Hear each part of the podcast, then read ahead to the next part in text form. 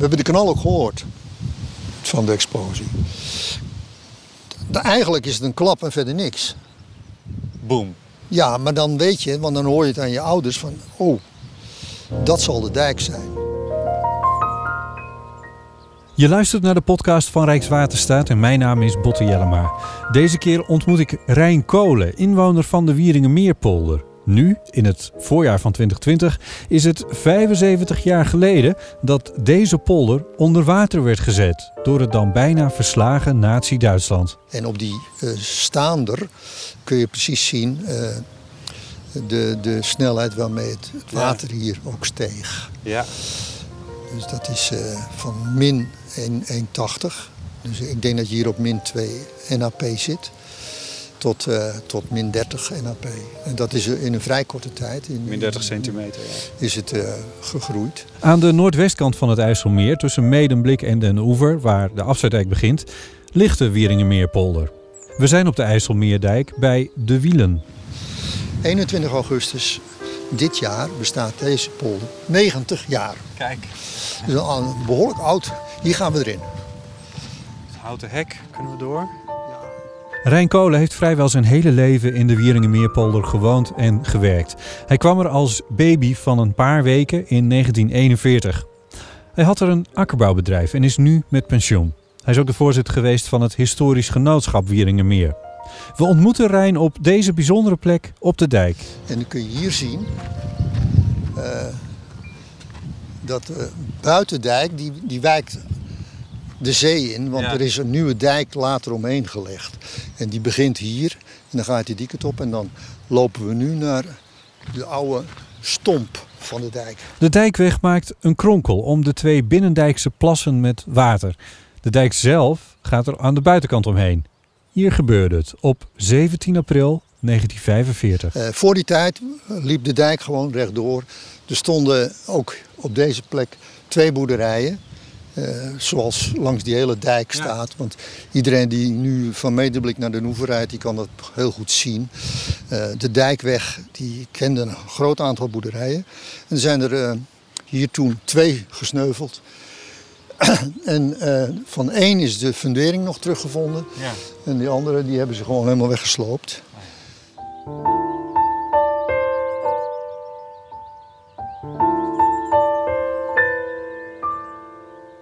Mijn vader werd bedrijfsleider op een staatslandbouwbedrijf. Nou ja, daar hebben we ons gezetteld tot 45. Dus en toen dat moesten was- we weg. Dat was akkerbouw.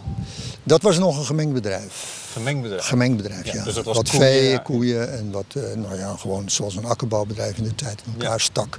Aardappelen, bieten, granen en eh. En heeft u herinneringen aan, ik bedoel, je was hartstikke jong natuurlijk, maar heeft u herinneringen aan die, die oorlogsjaren hier in deze polder? Nou, en een paar dingen. Eh, ik weet dat eh, bijvoorbeeld een, een, er was een, een vliegtuig neergeschoten. En toen vielen er wat brokken. Een oude tank of zo'n zo'n houten kist, die viel op, op ons land. Kijk, en eh, dan, dan weet je dat je pa erheen vliegt om te kijken. En die probeert hem dan ook te verbergen en zo. Dus dat, dat, dat zijn herinneringen die je weet. Eh, De meeste herinneringen die ik dan nog heb, is eigenlijk toch de, de hongerwinter. De winter in van 44. 44, 45. Ja. Ja, dan ben je dus toch wel een, jaar of vier. En eh, dan zie je dus die rij mensen voor die deur staan, dag na dag. Waar kwamen die vandaan? Dat waren, nou, de Randstad zeggen wij altijd maar, gewoon stedelingen van, van, van het gooi tot eh, nou ja, nog wat dieper weg. Ja. Maar toch wel meest eh, mensen uit eh, Amsterdam en noordelijker. Hoe kwamen die hier? Met fietsen, te voet, met bootjes. Maar over de, over de, de Noord-Hollands kanaal is bijvoorbeeld ook eh, bevaren geweest. Ja. Eh, ze kwamen met kar, handkarretjes, eh, met, met alles wat, wat bewegen kon en waar ze dan iets mee naar huis konden brengen. En wat, wat herinnert u zich daarvan? Nou, ik, nou, ik, ik vond het een, een heel treurig en een triest gezicht. Eh, want dan werd het bijvoorbeeld ook avond. En dan stonden die mensen er nog. En, en dan, het huis zat al vol met slapers. En dan moest op een gegeven moment, ja, hebben we niet een plek? Ja, nou ja, dan in de stal, voor die koeien langs en achter die koeien langs, daar kon je ook wel liggen. Dat herinnert u zich dat daar Ja, ja want ik, ik weet nog van één man, die had, er was een open plek tussen die koeien, daar had hij zijn spulletjes neergelegd. En toen had die koe naast hem, ik weet niet welke, links of rechts, die had zijn jas kapot gevreten die nacht. Dat doen koeien, ja. Ja, Ja. dus die was razend omdat zijn jas stuk was. Maar dat is natuurlijk ook eigenlijk wel heel erg in de winter, dat je jas aan stuk is. Ja, nee, dat, dat- ik neem aan dat hij hem toch wel aangetrokken heeft nog, Ja. het restant. Ja. Maar dat zijn van die dingen die je dan herinnert. Dat is Ja, van ja. 4, 5. Ja, Ja. ja. dat, is, dat, is, dat is heel bijzonder. Want ze hebben, we hebben de knal ook gehoord van de explosie. We hadden ook geen voorbereidingen. We hoorden bij de groep van de, van de treuzelaars. Of, eh, je had mensen die al dus drie dagen van tevoren spullen wegbrachten. Je had Ja. mensen die dus nou ja, iets ertussenin deden en mensen die niks deden. En ik denk dat wij een beetje bij die laatste groep hoorden van nou dat gaat toch niet gebeuren. Maar dan is het ineens wel paniek. Vlug, vlug, vlug. Wat gebeurde er met die klap? Wat, wat, wat, wat weet je er dan van? Eigenlijk is het een klap en verder niks. Boom. Ja, maar dan weet je, want dan hoor je het aan je ouders van, oh, dat zal de dijk zijn. Dus dat wisten ze wel. Van, Ja, Ja. Ze, ze waren ook gewaarschuwd. S morgens om zes uur zijn dus eh, alle wijkhoofden de polder ingegaan en boodschappers uitgestuurd van om twaalf uur wordt die dijk opgeblazen of om kwart over twaalf. En dat is ook gebeurd. Toen geloofden ze het ook pas. En eigenlijk geloofden ze het na die klap nog niet. En dat heb ik ook later wel gehoord van mensen die hier dichtbij woonden. Het water wilde eigenlijk helemaal niet stromen. Maar ja, dan, Het moest de weg nog een beetje vinden of zo. Water is wat dat betreft eigenhandig en eigenzinnig genoeg. Dus die maken wel plekken. Dus dat is toen wel gebeurd. En de meeste zijn pas gegaan toen je in kanalen en sloten, waar je allemaal bij woonde, dat je denkt van, hé, hey, Het gaat wel. Het het gaat, gaat stromen. Ja. En dat maakte het... eh, Dat zag u ook. Van, het gaat ja, stromen. dat, dan zie je dus van, hé, hey, dan, dan is er iets fout. En toen is iedereen eigenlijk pas echt in gaan pakken. Ook de laatste. Ja. Die, zijn vertrokken toen. Jullie dus. Nou, nee er waren er meer. Nee, ik denk dat wij het eigenlijk reuze interessant vonden. Want dan moest al dat spul, wat voor jou gewoon je leven was, moest op een wagen geladen worden. En gestapeld worden op een manier dat er zoveel mogelijk op kon. En dat al dat kroost er ook nog bij moest. En die koeien en die varkens, die hoorden ook mee. Want ja, die kon je ook moeilijk laten verdrinken. Ja. Dus die werden aan touwtjes erachter gebonden. En ik weet van de kippen, er stond een tafel op. Hadden ze om de poten gaas gemaakt. En daar hadden ze dan de kippen onder gestopt. Dus een soort kippenren van gemaakt. Ja. En, dan- en dan ga je. Alleen dan een soort helletocht. Want die, het was toch wel eh, bijna 10 kilometer naar Medeblik zijn wij gevlucht. Eh, op een gegeven moment zijn er koeien die zeggen van bekijk het maar. Ik ben niet gemaakt om op te lopen. Nee. Nou, dus dan moest er iemand weer af om die koe op zijn een klap te geven. Of ik weet niet hoe je dat moest doen. Ja. Om hem weer aan de praat te krijgen. En dat duurde heel lang voordat je dan eh, ergens aankomt. En dan kom je in Medemblik. Toen stond het water al tot aan de weg bij Medemblik. Diezelfde dag nog. Omdat het daar ook zo diep is. En eh, nou, toen mochten we naar een kamp. In een barak. Dan heb je weer een dak boven je hoofd. Ja. Maar die herinneringen die zijn er. En ja, verder. Ik heb me natuurlijk nooit zorgen hoeven maken over dat er voedsel zou zijn. Of dat er onderdak zou zijn. Want dat, dat werd wel geregeld. Ja. ja. Het is dan nog maar zo'n tien jaar geleden dat de karren van de bewoners de andere kant op reden, de polder in. In 1930 viel de Wieringermeerpolder droog en vanaf 1934 kwamen er dieren en gewassen op het land. En dat was de bedoeling. De polder was aangelegd om te zorgen voor meer landbouwgrond. De voedselproductie moest worden vergroot om tekorten te voorkomen. En die waren er recent nog geweest, zoals tijdens de Eerste Wereldoorlog.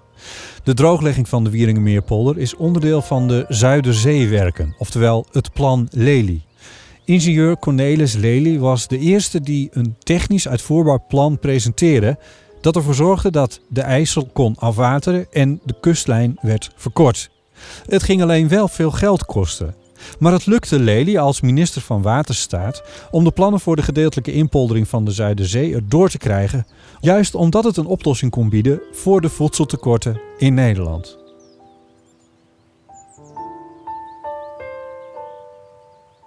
Een bepaalde rust zit erin. Ik weet van iemand, uh, die woonde dan verder richting Medemblik ook. Uh, die waren om, al onderweg. En uh, toen kwamen ze op een wat hoger gebied. toen dachten ze, allemaal hazen man. Waar komen die hazen vandaan? Nou ja, die vluchten ook allemaal naar het hoogste plekje. Natuurlijk, het beest is ook niet achterlijk. En die hebben, die zijn op een gegeven moment, hebben ze toen ze al wat verder waren. We gaan terug, hoor. we gaan kijken of we niet dit paar kunnen vangen. Ja, zo werkte het. Dus paniek was er niet. Want iedereen had ook wel door dat het stijgen van het water, dat kon je niet keren. Maar het, het, het zou wel even duren voordat je er dus niet meer door kon waden. Op die manier is het gegaan. Dus die mensen die gingen eerst nog wat hazen vangen. En, en zo zijn er ook omgekeerd. Omdat ze wat vergeten waren en zulke dingen. Ja. Zo werkt het. Ja. En gingen jullie over de dijk naar Medemblik? Nee, over de weg. Over de weg. Wij zijn over de Kwelweg gegaan. Omdat de Robben Noordweg ligt iets verder van de dijk af. De Kwelweg was toen een uh, klinkerweg ook. En, uh, maar met koeien en varkens, dat gaat ook niet snel. Nee, dat schiet helemaal niet op. Nee. Dan heb je uren werk voordat je dus een kilometer of tien verder bent. Ja. En dat is, dat is ook een beetje een, een, een, probleem. Want op een gegeven moment dan beginnen die kinderen te jengelen. Uh, dat vee krijgt dorst en honger. En, ja. Maar je moet verder en dat is dan iets, dat, dat gebeurt dan ook wel. Ja. Want dan zie je dat water in het kanaal zie je toch wat sneller gaan stromen. En dan denk je nou, opschieten.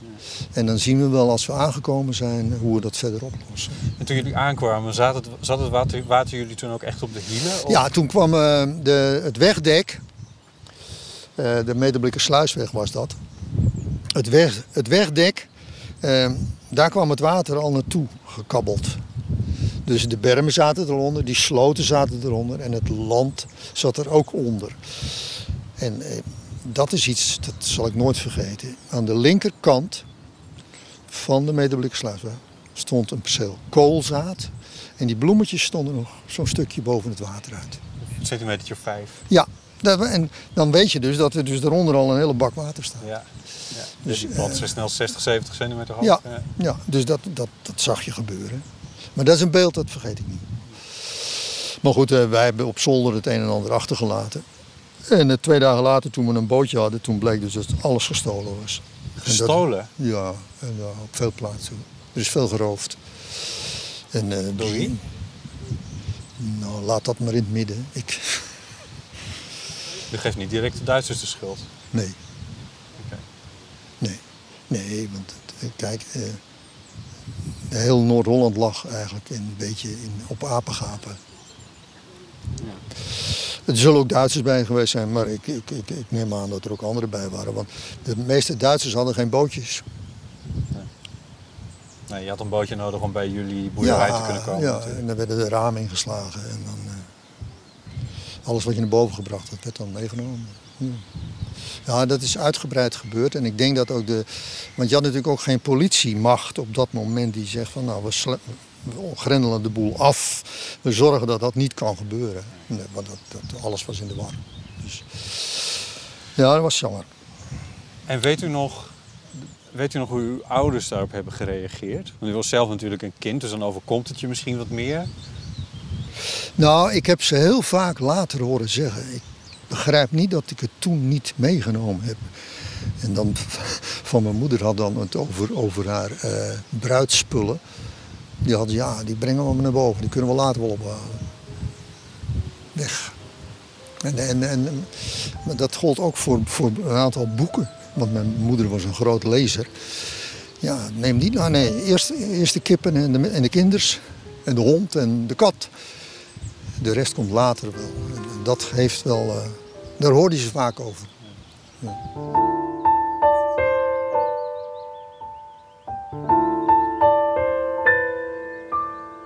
Toen wij uh, aankwamen, in Medemblik. Toen was het vee van de staatslandbouwbedrijven, dat werd verzameld in Medemblik. Maar wat dan? En toen is mijn vader, als een van de mensen die er ook werkte, met dat vee over het IJsselmeer naar de Noordoostpolder gegaan. Want daar was voer voor die koeien. En die is daar eigenlijk ook een aantal uh, maanden gebleven om voor het vee te zorgen. En toen is mijn moeder, uh, de, die afspraak hebben ze denk ik gewoon gemaakt. Uh, die is naar Brabant teruggegaan, naar de grootouders. Dus daar heb ik een aantal maanden, was ik weer Brabander. Ja, niks mis mee. Daar, nee, daar kwamen jullie oorspronkelijk vandaan, of in ieder geval uw moeder. Ja, ja, ja. mijn vader ook. Kwam van hetzelfde dorp. Ja. Oh, Nieuw-Vossermeer. Dus dat is tegen Tolen aan. Weer een meer. Ja, ja dat, is, dat is ook allemaal land onder water. Want dat hebben ze in 53 weer meegemaakt. Toen kwam dat volk bij ons weer bivakeren. Dat was eigenlijk nog maar een paar jaar later. Ja, dat was heel kort erop. Hoor. Nee, dus dat is iets, eh, dat hoort eh, bij het leven. Ja. Meent u dat nou? Zegt u nou die, die, die, die, ja, die mogelijkheid, de mogelijkheid, als jij natuurlijk in zo'n polder gaat wonen. Want we hebben wel eens buitenlandse gasten gehad en die vinden het dan doodeng. Dat je als die dijk weg is, dat je dan vijf meter water hebt staan. Dan, dan, dan kom je om. Heb je niet een bootje liggen ergens? Nee, ik denk dat die uh, Nederlanders wat dat betreft wel wat gewend zijn. Waarom deden de Duitsers dit? Dat is een vraag die eigenlijk nooit helemaal is beantwoord. Feit is dat aan het eind van de Tweede Wereldoorlog meerdere polders in Nederland onder water zijn gezet. Misschien zetten ze de Wieringermeer onder water omdat de bezetter vreesde voor luchtlandingen van geallieerden in de polder. Want je was op die manier zo bij de Afsluitdijk. Of ze hebben het gebruikt als drukmiddel om de Duitse troepen een vrije aftocht te kunnen geven naar Duitsland na de bevrijding. Die aftocht kwam er. Misschien is dat dus afgesproken, maar er is niets over op papier gezet. Hoe het ook zij, het opblazen van de dijk van de Wieringermeer wordt algemeen gezien als een zinloze, grote vernieling. Al een week later gaven de Amerikanen en de Russen elkaar een hand toen het Oostfront en het Westfront elkaar ontmoetten in Duitsland. Op 5 mei gaven de troepen in Nederland zich over. Binnen twee dagen staat de hele polder onder water. De materiële schade is enorm. Ook gaat er 20.000 hectare aan gewassen verloren. Voedsel dat men goed kon gebruiken in die tijd. Voor zover bekend is er bij de onderwaterzetting zelf niemand om het leven gekomen. Ook het aantal boerderijdieren dat het niet heeft overleefd, valt mee. Ik geloof dat er maar een twintigtal uh, runderen en een, en een, paar varkens. Nee, wat dat betreft zijn boeren wel uh, nou ja, zuinig op hun spullen. Ja? ja, want je neemt, ze, je neemt het, waardevolle neem je mee. Nee. hoeveel koeien gingen bij jullie bijvoorbeeld om? Uh, ik denk een stuk of acht. Ja. Kijk, dat is te overzien. Dat is te overzien. En die boeren die hier langs die dijk zaten. Want op de dijk werden heel veel uh, strohutten gebouwd. Want die lui hadden dan stro in de schuur. En die, die wachten allemaal nog langer dan de rest. Die gingen pas toen ze natte voeten kregen. En, maar ze hadden het stro al op de dijk gebracht. En die koeien kon je gewoon ook op de dijk jagen. Dan hadden ze nog wat te vreten. En bij de oude zeug was het ook druk. Dat is die, die haven uh, halverwege hier, de dijk, tot de knik. Dus die, die, die zaten daar. En daar stond ook nog wat bouwwerken, dus daar kon je ook wel overnachten. Maar in Strohutten ging het heel goed. Dus, uh, uh, nee, dat vee is wel goed terechtgekomen. Gelukkig wel. Alleen het wild is natuurlijk omgekomen allemaal. Ja. En ik denk dat er ook wel wat huisdieren verongelukt zijn. Ja. Omdat je de kat dan weer net niet kunt vinden. Nee maar het, het juiste aantal mensen dat is gewoon niet bekend. Want dat wordt wel vaker gevraagd. Hoeveel uh, mensen waren er verborgen in zo'n polder? Ondergedoken zaten of ja, uh, ja, maar, maar er waren Joodse mensen, er waren, er waren onderduikers uh, die dus naar Duitsland uitgezonden werden. En uh, die stonden niet op een lijst. Nee. Verzetstrijder Adrie de Graaf moest uit zijn onderduik komen om de evacuatie van zijn gezin uit de polder te regelen. Daarbij werd hij door de bezetter opgepakt en doodgeschoten. Of er andere onderduikers zijn verdronken, is niet bekend. Er is natuurlijk geen registratie geweest. En zelfs al hadden de Duitsers iedereen die op de wegen de polder uitkwam tegengehouden, je kan natuurlijk op meer plekken de polder uitkomen naar het oude land. Je kunt overal over die dijk klauteren. Je hoeft niet naar die doorgang te gaan waar de weg ligt, waar je weet dat ze staan. En, uh, je kan wel wegkomen. Ja, en uh, er zijn dus door die onderduikers ook veel, uh, die eerste twee nachten al. Ik weet dat bij mijn schoonouders zaten ze dus in de schuur in zo'n berg met hooi en zo. Maar toen moesten ze in huis, want daar hadden ze spullen gelegd. Maar dat water stond zo. Dus toen hebben ze de brandmuur hebben ze dus opengebroken. Die hebben staan bikken met, ja, ik weet niet, met een blote handen denk ik bijna. Maar eh, zo konden ze ook het huis weer in en daar spullen halen die ze nodig hadden. Kijk, op die manier hebben mensen zich eh, een aantal dagen weten te redden. Maar er voeren al heel snel zoveel bootjes rond. En, en niemand die er meer op lette, want toen werd het dus echt, de Duitsers die, die hadden helemaal niks meer in de pap te brokken op een gegeven moment. Nee, dus dan is het echt eind, eind uh, april. Dus die, die had je geen last meer van. En toen verdwenen ook de NSB-mensen.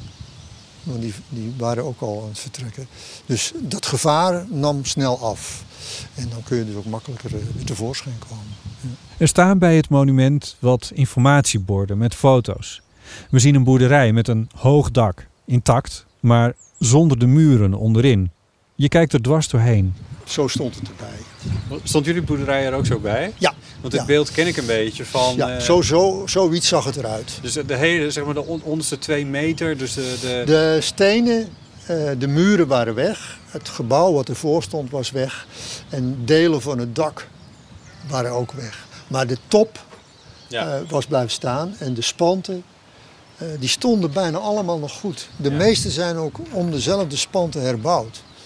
Dat kun je uh, bij waar de boerderij waar mijn zoon nu woont, kun je het heel goed zien. Want die, daar zitten op een, waar het waterhoogte geweest is, nogal wat beschadiging op die spanten. Waar dus uh, blokken hout en rommel tegenaan heeft gebotst. Maar tijdens die storm? Tijdens die storm, ja. ja. ja. Oh, ja. Dus dat, dat kun je dus goed nog. zien. Ja, je kan dus nog steeds in deze polder kun je nog goed dus ja, zien. Ja, ja. En verder uh, is het gewoon weer uh, keurig herbouwd. De schuren zijn het eerst herbouwd, omdat daar de, de producten in opgeslagen ja, moesten worden. Ja. En uh, later zijn de woningen allemaal weer teruggezet. Ja, ja. En ik weet nog dat de gemeente Wieringen, nee, of toen het, ja, het was wel al een gemeente. die hebben bij de provincie Friesland moeten smeken om die twee schepen met hout, want er was ook door die gaten spoelde er ook veel het IJsselmeer op. Ja. En veel westenwind, dus dat, dat, kwam dan aan in Friesland. En die hebben dat verzameld. En, maar we wilden het eigenlijk wel terug hebben. dat, is, dat is geloof ik uiteindelijk ook wel gelukt, oh, ja. merendeels. Ja, maar bij Medeblik ook he, eindeloze grote bulten met rommel. Ja. Dat, dat, dat is gewoon zo. Want eh, als je ziet wat er dus weg is van zo'n huis, maar de houten delen die blijven drijven. Uh, ruiterstokken. Ik weet niet of dat begrip jullie nog iets zegt. Ruiterstok, ja. Dat ja. is, vroeger had je zo'n vier of drie poot. Zo dik. Een meter of tweeënhalf lang. Die zaten aan elkaar boven en dan stapel je dan hooi overheen of ja, graan. Om te drogen. Dat noemden wij de ruiterstokken. Ja. En bij iedere boerderij lag een hele bult van die stokken die ze ieder jaar weer gebruikten. Alleen toen het uh, onder water werd gezet, toen gingen die bulten drijven. Dus die, overal lagen ze. En kistjes, noem maar op. Niet te filmen. Ja. Fijn hoor. Ja. ja. Rijns vader bleef bij de dieren in de Noordoostpolder. En Rijn zelf woonde een jaar met zijn moeder in Brabant. Er werd een nieuw stuk dijk om de wielen heen aangelegd. Twee plassen die inmiddels 30 meter diep waren geworden.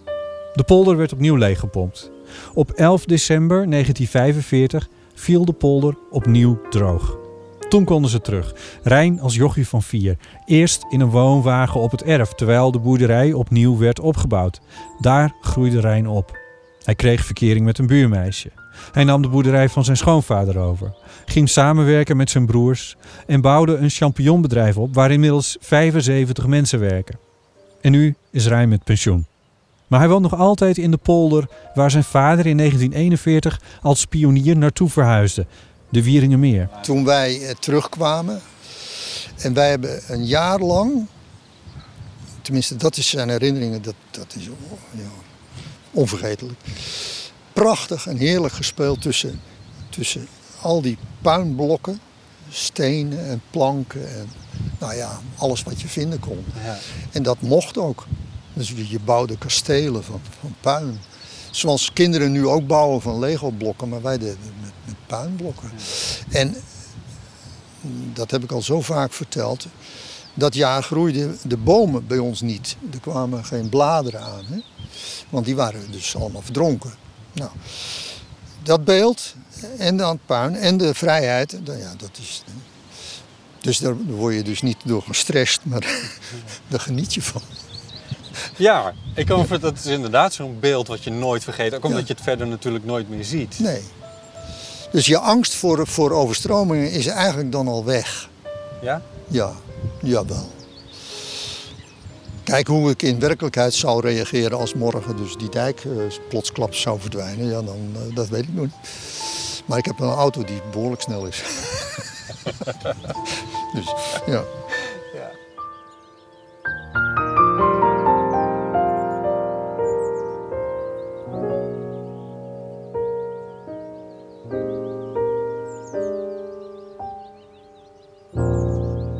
Je hoorde een aflevering uit de podcastserie over het werk van Rijkswaterstaat. En deze keer hadden we een ontmoeting met Rijn Kolen. Hij is inwoner van de Wieringenmeerpolder en ooggetuige van de onderwaterzetting van 75 jaar geleden. Bedankt voor het luisteren.